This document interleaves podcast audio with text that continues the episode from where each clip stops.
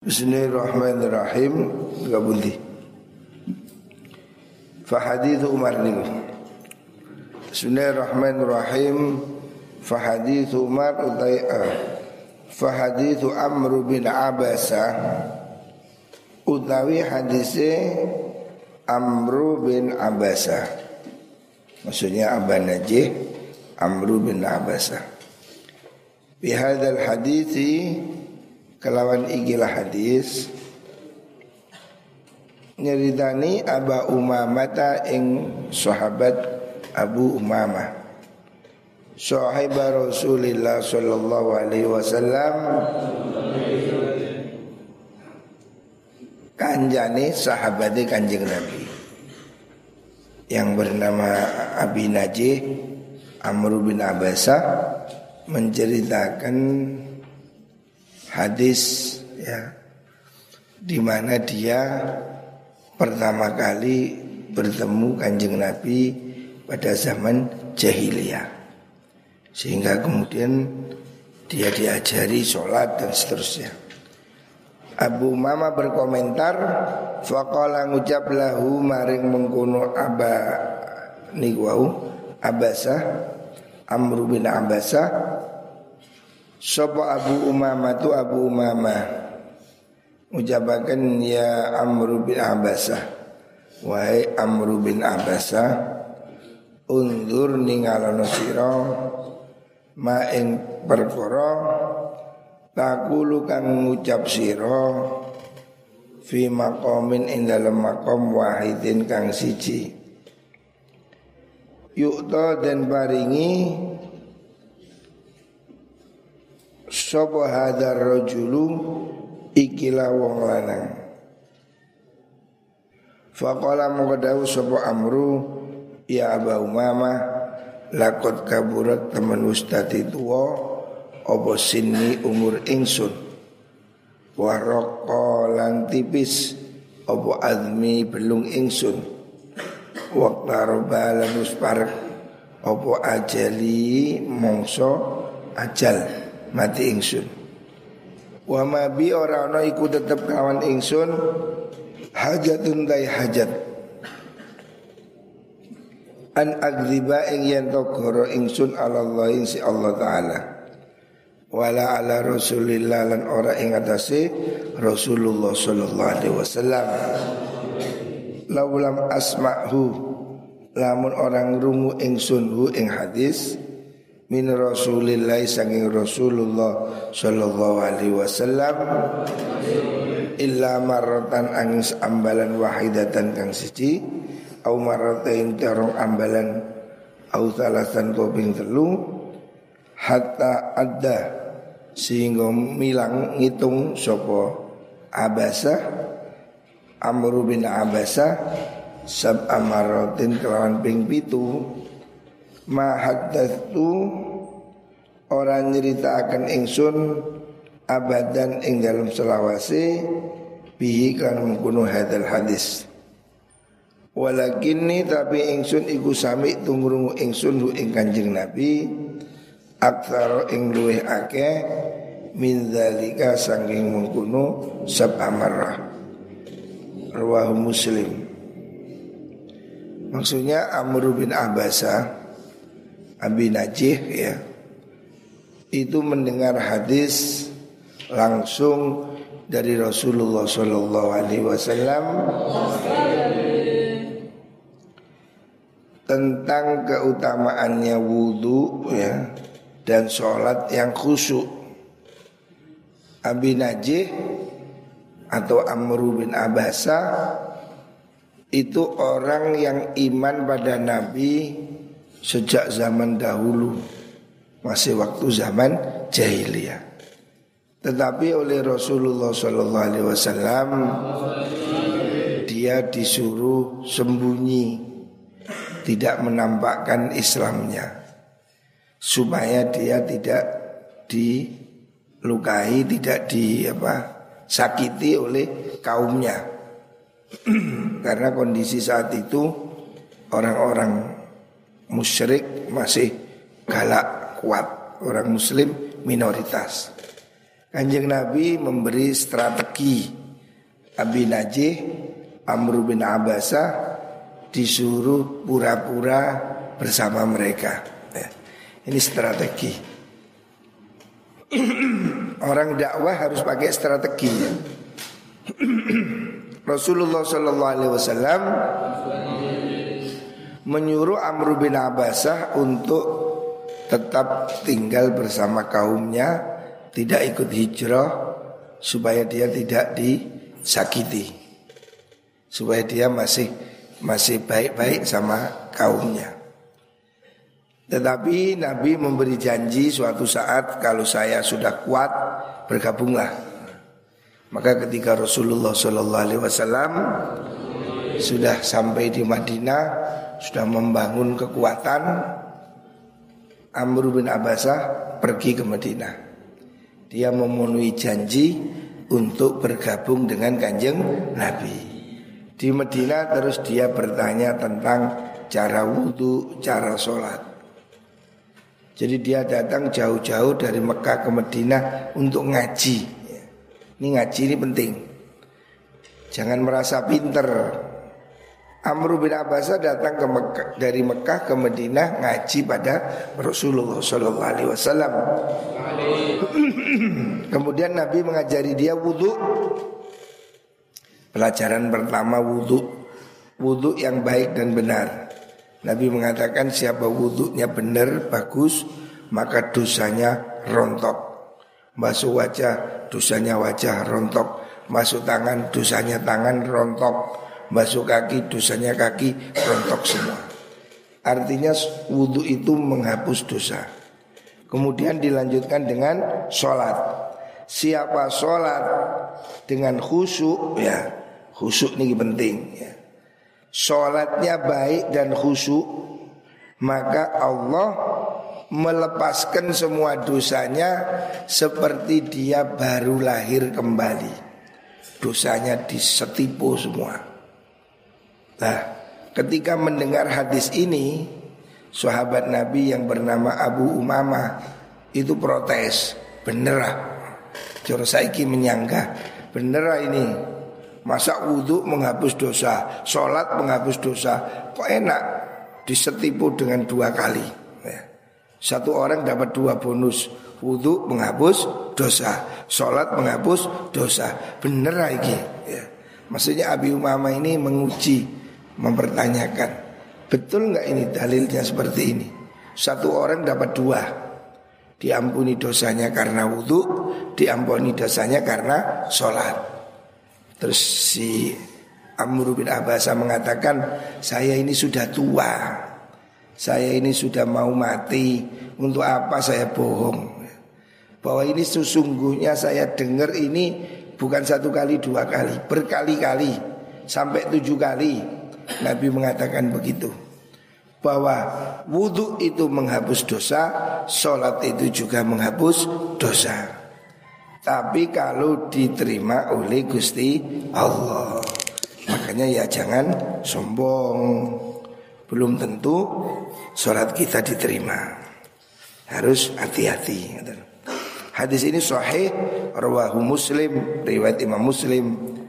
Qalu jura'a'u alaihi qawmu Wa utawi lafad jura'a bijimin kalawan jim matmumatin kang den lomah. Wabil maddi lan kelanten waca ala wazni ulama ingat si wazan ulama juraa dibaca seperti panjang seperti ulama itu. Ai jasiruna tegese piro-piro kang kendel. Mustatiluna tur piro-piro kang dawaaken dawaaken maksudnya apa ya istilah itu orang panjang tangan artinya nyolong mulutnya panjang artinya meledek ya mustafilun itu menghina ya. Jadi saat itu kondisi kanjeng Nabi belum kuat. Beliau itu dilecehkan ya. Beliau itu di apa? Oleh kaumnya itu diejek. Diremehkan. Ghairuha ibina tur orang odok wedi kabeh. Artinya kaumnya itu tidak ada yang takut pada saat itu ya. Ini kan menceritakan kondisi awal mula Islam. Menurut si tadi Abi Najih, dia saat itu melihat kanjeng Nabi itu diolok-olok, ditertawakan, ya, dianggap guyonan oleh orang-orang jahiliyah. Abi Najih itu melihat kanjeng Nabi itu tenang, walaupun kaumnya itu kurang ajar. Nabi itu tenang. Sehingga ketika itu Abu Najih juga belum ngerti Tanya kamu siapa? Saya Nabi Nabi itu apa? Utusan Allah Diutus apa? Jadi saking bodoh nih nggak ngerti Polos Ya saya diutus untuk silaturahim Menghancurkan berhala Bertauhid. Abu Najih manut. Ya sudah saya ikut. Tapi Nabi mengatakan Jangan kamu sembunyi dulu di rumah. Pura-pura. Ini strategi supaya kamu tidak disakiti oleh kaummu. Sebab kaum kaum Quraisy waktu itu masih jahiliyah, masih bodoh-bodoh, masih kurang ajar. Hadir riwayat ikilah riwayat al masyura kang masyur. Ikan al masyur itu kang masyur. Ruang dikatakan ing hadis Sob al Humaydi Imam Humaydi Wa ghairuhu lan al Humaydi Qulhu khiraun Bikasril ha al muhmala Wa kalau teh maknani khira iku ghidabun Piro-piro wong kang bendu Marah. Zu ghammin kang duweni susah Wahamin lan prihatin ya. Jadi Rasulullah Shallallahu Alaihi Wasallam pada saat itu saat awal dakwah ia mengalami rintangan yang luar biasa. Beliau disakiti, diledek, dilecehkan gitu loh maksudnya. Qad aila teman-teman kangelan opo sobruhum sabari mengkuno kaum bihi kelawan kanjeng Nabi. Maksudnya itu kemarin hadis itu menerangkan lafaz hadis yang sebelumnya itu bahwa orang-orang musyrik saat itu ya sudah marah sama kanjeng Nabi. Tapi mereka itu kan orang jahiliyah. Hatta asaro sehingga ngelabeti apa mengkuno Ghadab niku fi ajsamihim ing dalam pira-pira awake kaum. Min qaulihim sange mengucap wong Arab haro jismuhu. Haro payah capek opo jismu jisime awake wong. Ya haro tegese payah. Jadi mereka betul dalam kepayahan Ida nukliso nalikani den kurangi opo jismu min alamin saking loro au ghammin utawa susah wa nahwu ilas kapadai mengkono alam wa sahih kang bener annahu sedene khira iku bil jimi kelawan jim. Jadi ada yang baca khira, ada yang baca dengan jim, cira. Eh. Qauluhu tadawi Rasulullah sallallahu alaihi wasallam rubani dawu baina qarnai syaitan aina khiyatai ra'sihi tegese arah loro sirai setan. Maksudnya al murad kang den karepaken iku at-tamtsilu menggambarkan, menyerupakan. Kanjeng Nabi kan memberi apa gambaran waktu sholat itu ketika matahari terbit di antara dua sungu apa sungu apa sini tanduknya setan. Itu hanya perumpamaan aja gitu. itu hanya untuk menggambarkan.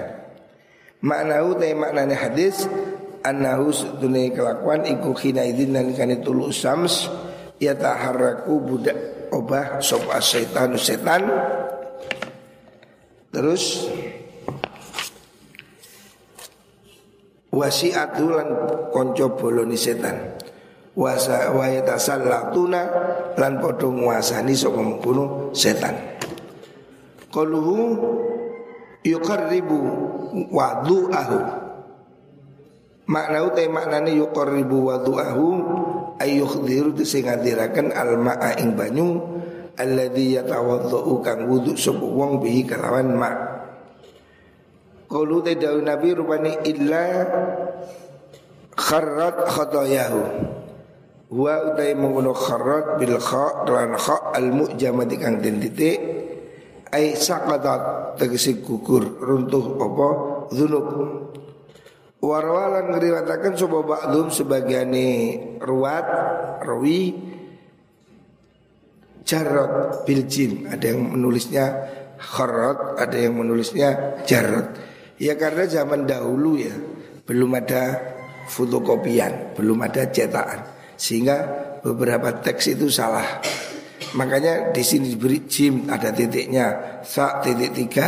Ya kan sa titik telu. Iya maksudnya ini supaya tidak keliru. Sebab belum ada teknik cetak sehingga orang bisa nulis salah. Supaya tidak salah maka diberi tanda ini jim ini hak. Wasohai tekang benar itu bil kharat ada yang baca kharat redaksinya ada yang jarak Wawaw te mengkono bil kha iku riwayatul jumhur riwayat jumhuri ulama. Wa qalu dari Nabi rupane fayan tathiru ayas takhriju tegese amre ngetokaken sapa wong ma ing perkara fi anfihi kang ing dalem irungi wong. Min adza nyatane saking reget wan nasratu ta maknane nasrah iku taraful anfi pucuke irung. Artinya nasrah itu ujungnya hidung. Wa Nabi Musa al-As'ari radhiyallahu an anin Nabi sallallahu alaihi wasallam Qala dawu sapa Nabi idza arada. Nalikane ngarepaken sapa Allah taala rahmatan ing rahmat rahmata ummatin ing rahmati umat ya terus qabadah mongko mundut sapa kanjeng Nabi Nabi ya ing nabi ni umat qablaha sadurunge mengkono umat. Taj'aluhu akan oh faja'alahu. Faja'alahu mongko akan sop Allah. Hu ing kanjeng Nabi akan laha maring umat faroton ing disi wasalafan tegesi kang disi baina yadaiha ing dalem ngarepe mengkono umat. Wa idza arada nalikan ngersakaken sop Allah hal kata umatin ing kerusakan umat yo adzabaha monggo nyiksa sapa Allah nyiksa ha ing umat wa nabiyyu wa halutai nabi umat iku hayyun isi usul isi urip. Fa ahlakaha mongko ngerusak sapa Allah ha ing mengkono umat wa wa halutai nabi iku yang duru ningali sapa mengkono nabi. Fa aqarra mongko bungahaken sapa Allah ainahu ing peningali mengkono Kanjeng Nabi bihalakiha kelan rusake mengkono umat. Haina kadzabu nalikane gorohaken sapa mengkono umat hu ing Kanjeng Nabi. Wa asaulan duraka sapa mengkono umat hu ing duraka hu ing Kanjeng Nabi Maksudnya ini begini Rasulullah Sallallahu Alaihi Wasallam mengatakan bahwa kalau Gusti Allah itu menjadikan umat itu baik ya. Umat sebuah kaum sebuah apa seorang nabi kalau Allah itu menakdirkan kebaikan kepada umatnya maka oleh Allah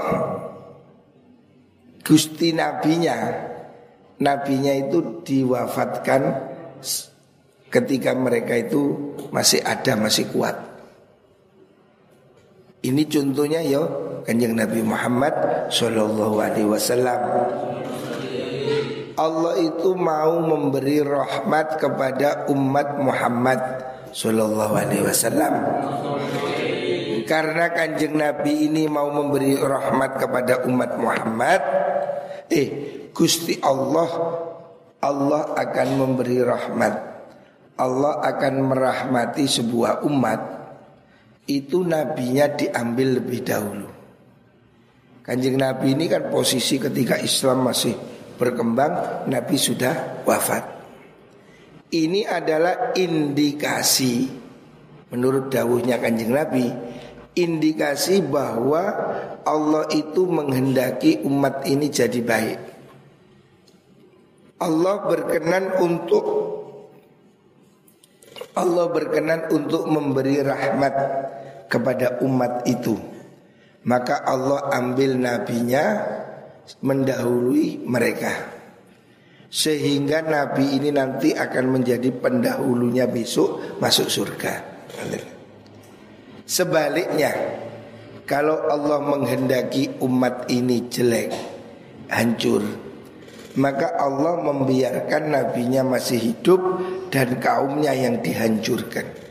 Contoh, Nabi Nuh ya.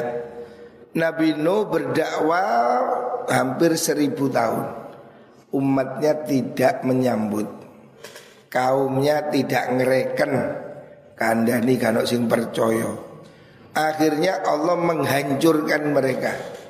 Umatnya Nabi Nuh ditenggelamkan semua kecuali sebagian kecil yang mau ikut perahunya Nabi Nuh. Dan Nabi Nuh senang puas wong sing dablek-dablek modar kabeh itu nabinya puas, hmm, rasain lu. Hmm. Begitu juga Nabi Musa.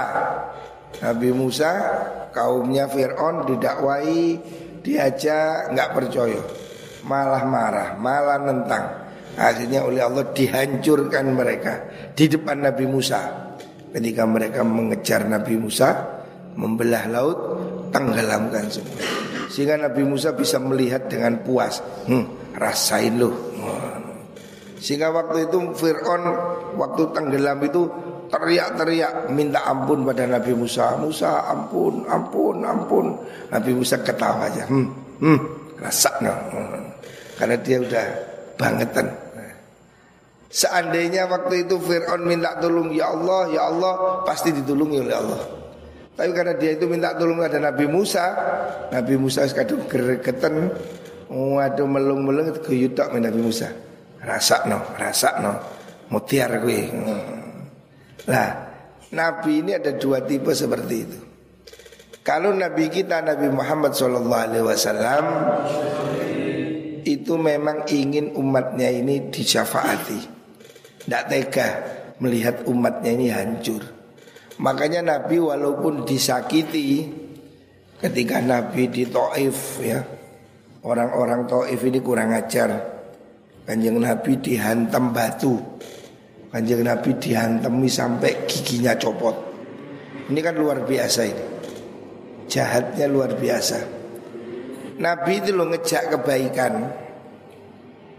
Kanjeng Nabi mengajak orang untuk ibadah Tetapi kaumnya ini menyambut dengan caci maki Dengan menyakiti Nabi diantemi anak kecil suruh ngantemi sampai Nabi terpojok tidak berdaya. Ini luar biasa jahat. Tapi Nabi Muhammad SAW tidak mau mendoakan mereka celaka. Kalau Nabi mau sudah ada tawaran. Ketika itu malaikat Jibril sudah datang. Waktu Nabi diantemi itu Nabi malaikat Jibril datang. Malaikat Jibril nawarkan Nabi Bagaimana? Apa kita antam? Malaikat Jibril sudah siap mau ngambil gunung Gunung mau diantemkan ke mereka Nabi gak mau Jangan, jangan Nabi malam masih mendoakan Allahumma hdi qawmi fa innahum la ya'lamun. Beri hidayah ya Allah, mereka belum tahu. Jadi Nabi ini gak tego, gak mentolo. Sebetulnya kalau Nabi mau beres, Ya Allah hantam dia berat mati. Tapi Nabi ini memang Ra'ufur Rahim. Nabi kita ini Nabi yang lembut dan penyayang. Ketika disakiti Nabi tidak ingin mencelakakan mereka. Kalau Nabi mau bisa Ya Allah butakan mereka Buta semua Ya Allah lumpuhkan lumpuh semua. Nabi tidak. Nabi ini belas kasih. Nabi masih berharap semoga anak cucunya masuk Islam. Jadi Nabi disakiti tidak membalas. Itu kejadian Nabi di Taif itu. Dihantemi sampai terpojok ke tembok. Dan Nabi tidak berdaya. Tangan kirinya melindungi wajah tangan kanannya berdoa. Jadi sudah tidak balas diem Nabi. Dihantemi doa doa doa diem. Tidak melawan. Hanya berdoa. Nabi mohon supaya dari keturunan ini orang-orang yang sekarang jahat ini mugo-mugo anak cucunya menjadi orang Islam. Itu lembutnya kanjeng Nabi. Dan terbukti kemudian daerah Taif itu sampai hari ini ya menjadi muslim. Karena Nabi tidak marah. Seandainya Nabi waktu itu mendoakan ya Allah hancurkan mereka selesai. Tapi Nabi mendoakan ya Allah keluarkan dari cucu mereka nanti orang-orang yang beriman. Dari Taif ini kemudian timbullah pasukan-pasukan orang-orang hebat, tentara-tentara yang kuat. Dulu nenek moyangnya musuhi kanjeng Nabi. Nenek moyangnya dulu yang ngantemi kanjeng Nabi. Tapi dari cucunya ini kemudian salah satunya adalah penakluk India itu. Penakluk Pakistan India itu kan uh, Muhammad bin Al-Qasim. Itu dari Taif. Al-Qasim dari Taif. Itu contoh doa Nabi terkabulkan. Anak cucunya yang dulu kakeknya musuhi kanjeng Nabi, cucunya menjadi panglima perang yang menundukkan India. Ini pasukan luar biasa itu. Dari Arab ke India, pasukan unta berapa ribu kilometer tembus sehingga Islam masuk India, Pakistan, Bangladesh itu dibawa oleh Muhammad bin Al Qasim dari Taif itu dulu kakeknya orang-orang yang musuhi kanjeng Nabi. Jadi dakwah ini mempunyai optimisme ya. Tidak putus asa. Kanjeng Nabi doakan umatnya. Walaupun saat itu mereka memusuhi kanjeng Nabi, tapi akhirnya mereka menjadi penolong kanjeng Nabi. Sayyidina Umar mau membunuh Nabi, berubah menjadi pembela kanjeng Nabi. Ini loh akhlaknya Nabi. Nabi tidak main serang, main kutuk, enggak. Beda Nabi Musa gregetan, ya Allah hancurkan mereka, hancur. Nabi Nuh kaumnya membandel, hancurkan ya Allah, hancur. Nabi tidak. Nabi mendoakan mereka mendapat hidayah. Ini contoh kesabaran kanjeng Nabi. Jadi berdakwah ini jangan kasar-kasar. Kita ini dakwah ini harus pakai strategi. Ya contoh pada hadis yang kemarin Rasulullah Shallallahu Alaihi Wasallam menyuruh uh, seorang sahabat yang bernama Abi Najih Amru bin Abasah saat itu mau ingin bergabung dengan Nabi. Nabi mengatakan jangan. Oleh Nabi disuruh pulang. Tidak boleh ikut. Kenapa? Sebab nanti tantangannya masih berat. Jadi Nabi tidak menyuruh orang nekat. Saat itu Abu Najih sudah mau ikut kanjeng Nabi. Tapi Nabi mengatakan jangan. Ini situasinya masih gawat. Nanti kamu kalau ikut saya, kamu akan dimusuhi oleh kelompokmu. Nabi menyuruh dia balik ke rumahnya. Tidak ikut Nabi. Lu padahal dia kan mau ikut berjuang. Iya, tapi ini strategi. Ya. Jadi dakwah itu ada strateginya ya. Jangan asal ngawur ya. Dakwah ini harus harus mengukur efektivitasnya. Seperti dokter. Dokter ini kan harus tahu berapa dosisnya. Oh, iki arek cilik loro ngeluh kasih dia bodreksin. Ojo dikai rame keduren.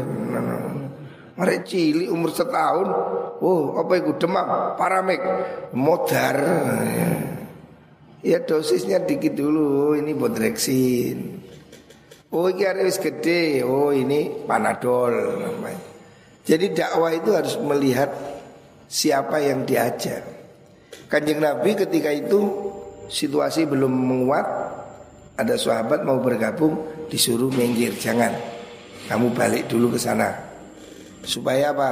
Supaya kamu selamat. Nah, Jadi dakwah ini tidak harus dengan selalu kekerasan. Ya. Dakwah ini juga harus perlu strategi. Ngajak orang ini harus baik. Ngajak kebaikan harus dengan cara yang baik. Kecuali kalau memang sudah kuat, ya lain lagi. Sama dengan kita ini kalau di pondok, ya kudu kereng, ada gak ngaji kon ngadeg. Gua ada telat itu kon ngadeg iku lapo. Ngaji telat-telat. Ya harus ada tindakan. Kemarin yang nggak ngaji siapa lah? Yang lain mana? Setiap hari dikontrol, nggak ngaji suruh berdiri gitu lah. Yusuf nanti hari jengi Yusuf ya. Orang ngajak, orang ngajak gak tahu ngaji kan. Oh, buare. Ngondo itu ngaji, gak ngaji lah ini. Di sini bukan tempat ngeluyur dul. Ini tempatnya ngaji nggak mau ngaji pulang Karena tambeng-tambeng itu di seneni. Dakwah itu melihat situasinya. Kalau memang anak ini masih baru ya alon-alon.